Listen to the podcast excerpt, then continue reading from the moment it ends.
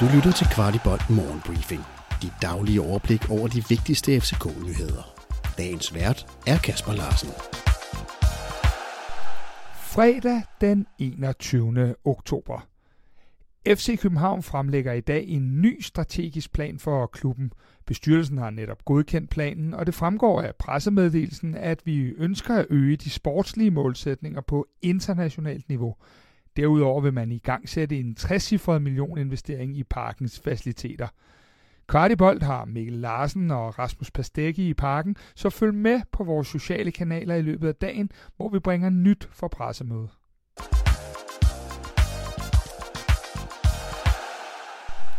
Et led i de nye udmeldinger i parken er også, at FC København skal have et kvindefodboldhold.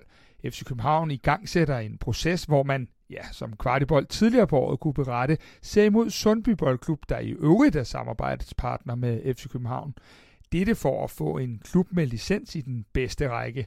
FC København skal så komme med økonomien samt know-how. Dog er processen ikke så fremskreden endnu, og man er kun i gang med de indledende sonderinger – her hos Kvartibold hilser vi tiltaget mere end velkommen, da en hovedstad naturligvis også skal have et kvindehold. Dette afspejler jo visionen om, at FC København er hele byens hold.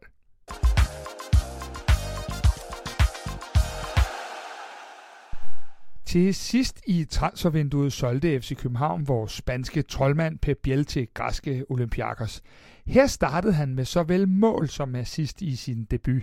Siden har Olympiakos skiftet træner, og Pep Biel er helt ud i den græske storklub. I det sidste opgør var Pep endnu helt ude på tribunen. Grækerne kan ikke have studeret mange FCK-kampe, da problemerne er startet med, at de har smidt ham ud på kanten. En position Pep aldrig fik succes med i København. I Olympiakos kæmper han med James Rodriguez om rollen bag centerforvarden. Altså Pep, hvis nu at, øh, ja, så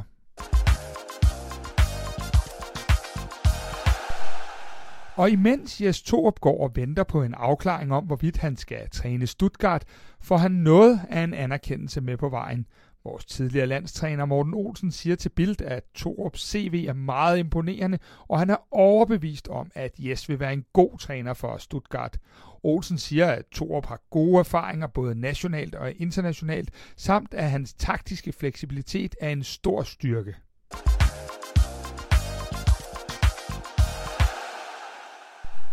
Og til en anden, vi har nævnt nogle gange i morgenbriefing, nemlig William Børing. Efter hvad vi hører, har såvel Arsenal som Borussia Mönchengladbach William på radaren og holder nøje øje med hans forløb i Sturm Graz. Ledelsen i Sturm forventer ikke et salg allerede i januar, da William stadig er ved at adoptere spillestil med mere dernede.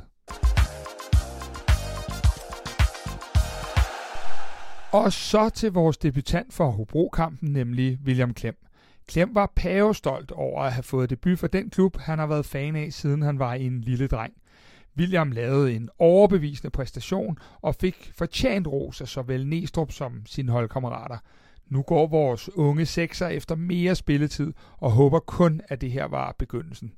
Og der er gode muligheder, da vi som bekendt bøvler med skader på netop hans position. Ellers er det kun at ønske alle FC Københavnere en rigtig god weekend. Vi ses i parken lørdag og på Plaza Alfalfa mandag aften i Sevilla. God weekend.